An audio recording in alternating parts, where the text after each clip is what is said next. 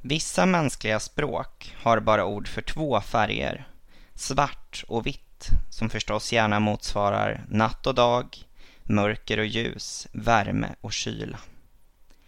I de språk där det bara finns ett ytterligare färgord så brukar det, å andra sidan, vara den starkaste signalfärgen av dem alla, röd. För den som har tillgång till en mängd nyansord, som mintgrön och laxrosa, kan detta verka otroligt. Men språk med bara två eller tre färgord beskrevs redan 1969 av antropologen Brent Berlin och lingvisten Paul Kay i boken Basic Color Terms. Denna lingvistiska kuriosa gör sig påminn under läsningen av Judith Kiros andra diktsamling Det röda är det gränslösa där färgen röd sipprar från titeln och in på ett stort antal av bokens sidor. Citat, grunden för denna bok är röd eller spöklik, slutcitat, som den själv vid ett tillfälle säger. De två andra färger som framförallt dominerar är förstås vitt och svart. Det röda tar hos Kiros ofta formen av blod, men också av politik. Till exempel i den dikttitel som rymmer en längre version av diktsamlingens titel. Citat. Det röda är det gränslösa, det som ännu är i revolt, eller som sprider sig. Slutcitat. Drömmen om revolt finns även på annat håll. Citat. Det röda vill resa sig och vara lite dödligare än förra gången det tvingades ner på knä. Slutcitat. Men drunknar också ofta är en politisk uppgivenhet. Det mest grundläggande motsatsparet i färgspektrat, vitt och svart, är förstås också grundligt genomsyrat av postkolonialt bagage hos Kiros liksom överallt annars.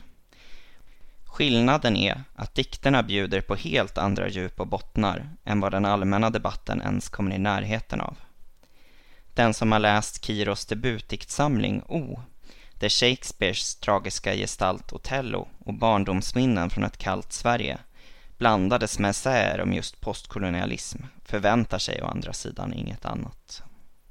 Och svärtan bär förstås också på helt andra konnotationer.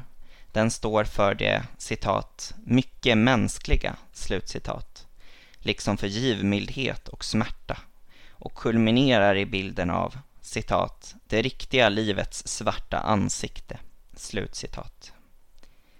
Genom att använda svärtan som prisma framkallar Kiros en hel regnbåge av svarta nyanser. Citat. Svärtan i målningar av Kristus fem sår Svärtan i en vidöppen mun, ett könshår. Blodet, dess svärta, öarna i det. Den levrade svärtan, den en gång levande. Minnets sårsvarta arkipelager.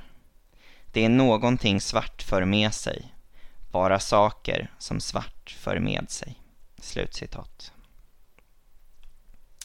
Vitt står för sjukhusväggar och sjukhusskjortor det särskilda ljuset på sjukhus och överlag för ett ljus som är bländande starkt men ändå inte förmår lysa upp sorgen. Citat. Det är för mycket ljus i rummet, för mig, men då och då suger jag i mig vita tabletter från min svarta hand.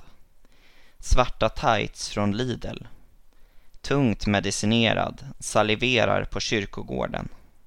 Säger någonting i stil med det finns ingen mening med att leva annat än att minnas att du dog.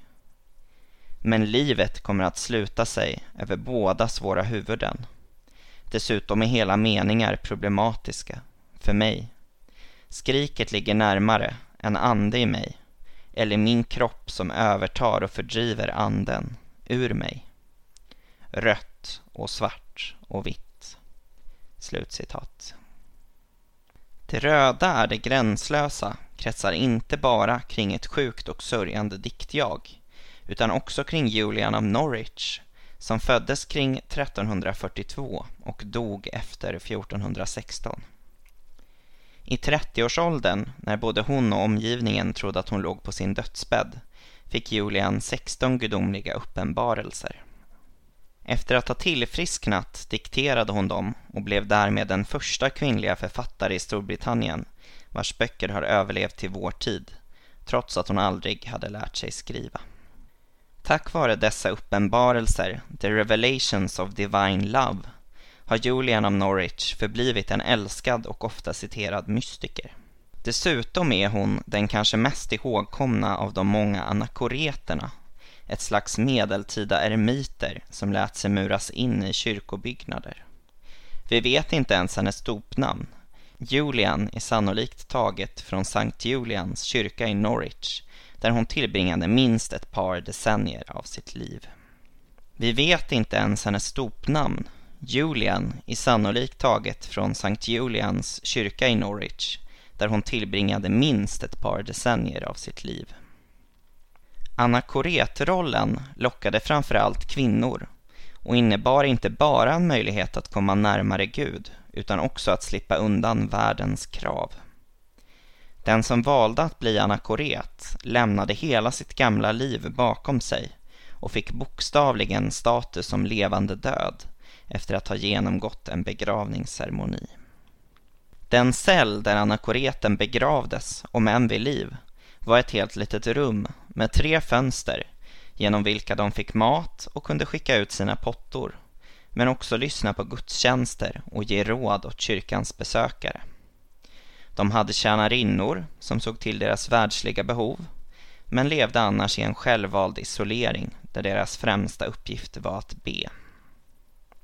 Reformationen tvingade ut många av de europeiska anakoreterna ur sina celler, men för Julian av Norwich tillhörde namn som Luther och Calvin en oanad framtid, som Gud barmhärtigt nog inte visade henne. Det är lätt att förstå varför Kiros har blivit så besatt av Julian av Norwich, och Julians öde genomsyrar verkligen det röda är det gränslösa. Julians egna ord, detaljer från hennes liv och fantasier om att vara henne blandar sig oupphörligen in i diktjagets plågor och lättnader, liksom träsnittsfigurer, frakturliknande typsnitt och arkaisk engelska. Ibland är övergången nästan sömlös, andra gånger blir kontrasten en effekt i sig. Oavsett vilket så handlar det inte främst om något hyllande av den helgonlika anakoreten, utan snarare om en ambivalent relation som rymmer både misstro och ilska. Den mest ikoniska frasen i Julians uppenbarelser, citat, All shall be well, and all shall be well, and all manner of things shall be well. Slutcitat. Får till exempel ett svidande bittert svar, där även vår samtids besatthet av positivt tänkande ekar. Citat. Allt är ju väl, och allt är väl, och allt är redan så bra det kan bli din otacksamma fitta, till sinnet är sin egen plats och kan göra jordgubbssylt av all smärta. Slutcitat. Å ena sidan tycks diktjaget ha stigit ner genom tidens lökliknande lager för att göra Julian sällskap i hennes cell och samtidigt ställa henne mot väggen. Å andra sidan tycks även Julian ha gjort en tidsresa och vaknat upp i en klimatkrisande nutid. Citat. Julian leddes till havsbottnen och fann där i skuggrika skogar dränkta dalgångar. Utan fruktan i tångens varsamma omfamning, trygg i varje trög rörelse. Mossan sög tag i hälarna, vaknade delvis amfibisk. Hon steg genom algblomningen underifrån ur spirande galaxer och vaknade i en bädd av plast med de såriga mungiporna neddragna. Slutcitat. Rent kvantitativt består det röda i det gränslösa av dubbelt så många uppenbarelser som Julian hade. 16 som inleder diktsamlingen och 16 som avslutar den. Däremellan ryms 87 numrerade dikter och ytterligare några onumrerade. Till skillnad från samlingens övriga dikter har uppenbarelserna rubriker. Och inte vilka rubriker som helst, utan helt fantastiska sådana. bitvis faktiskt starkare än dikterna de tillhör. Citat.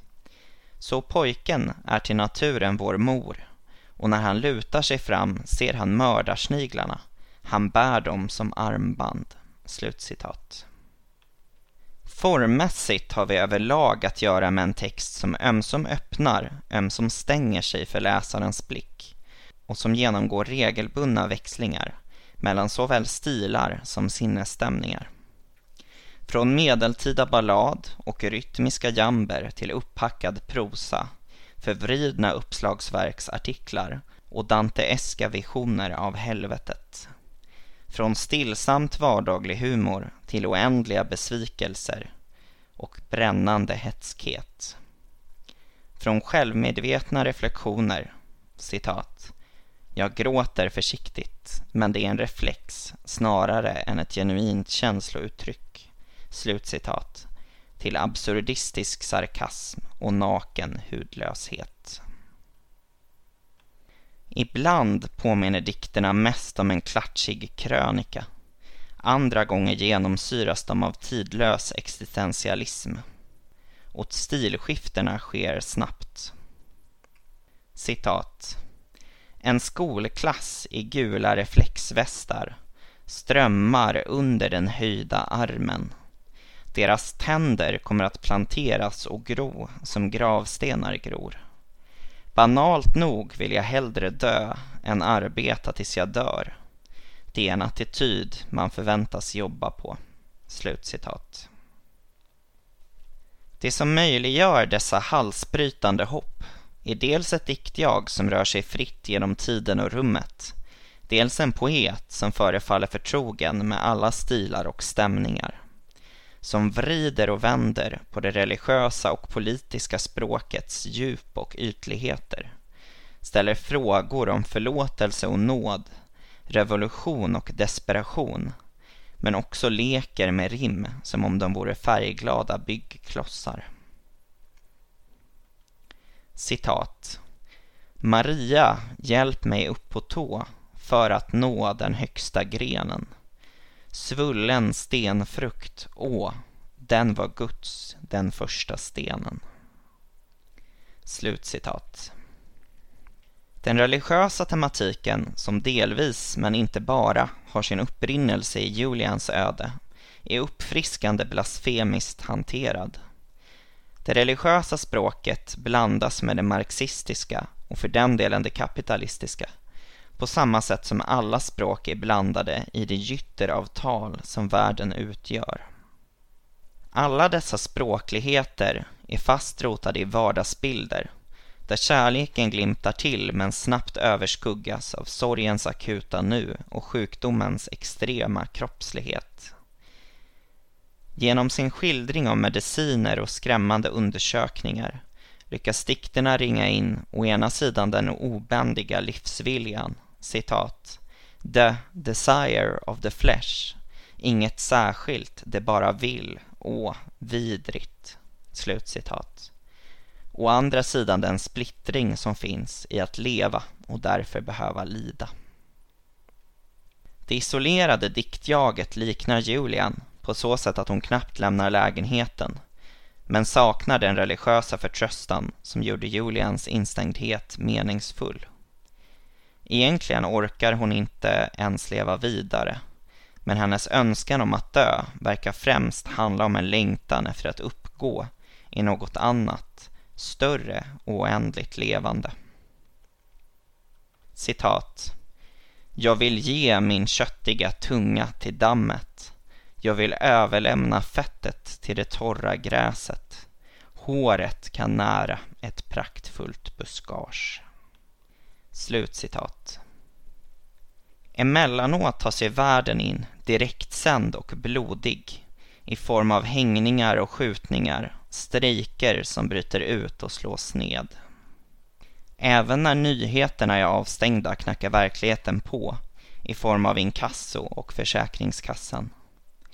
Jagat av alla krav på arbetsförmåga och pengar flyr diktjaget gång på gång till medeltidens Norwich. Och framförallt flyr hon från sorgen efter en far som hon vill återföra till livet i en omvänd version av den grekiska gudinnan Athenas födelse. Citat. Kan man föda sin egen fader, frågar jag dem. Kan huvudet svullna upp av hans embryo? Slutcitat. Mer än bara en blinkning till grekisk mytologi är detta en levande bild av hur sorgen ser ut. Hur den övertar allting annat, ockuperar alla tankar och enskilda celler. Och är det något som det röda i det gränslösa inte lider brist på så är det starka bilder av sorg. Citat. När de döda skalar av sig huden, tar av sig det ena och sedan det andra örat, kliver ur sina mer eller mindre slitna fötter. Och skorna och strumporna och askan mot svidande tungan. När någon överger ett plagg doftar det först väldigt starkt, sedan inte alls, hur man än håller upp det mot ansiktets avgrund. Slutcitat. När jag läser en diktsamling jag ska recensera brukar jag markera de rader jag skulle vilja citera. Men i mitt exemplar av Det röda i det gränslösa blev understrykningarna snart så många att de helt miste sin mening. Det säger något, inte bara om hur stor del av textmassan som fångade min uppmärksamhet, utan också om hur komplex och rik den här diktsamlingen är. Raka motsatsen till alla de verk där enstaka partier sticker ut oförglömligt höjer sig över mängden. Just genom sin komplexitet, både vad gäller tematik och form, förblir det röda i det gränslösa oupphörligt fascinerande. Trots sina 184 sidor, som är relativt många i poesins värld, förlorar den aldrig sin energi.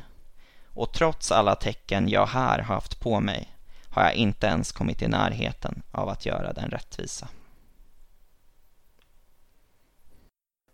Den här recensionen är originalpublicerad på www.ornenochkrakan.se under ansvarigt utgivarskap.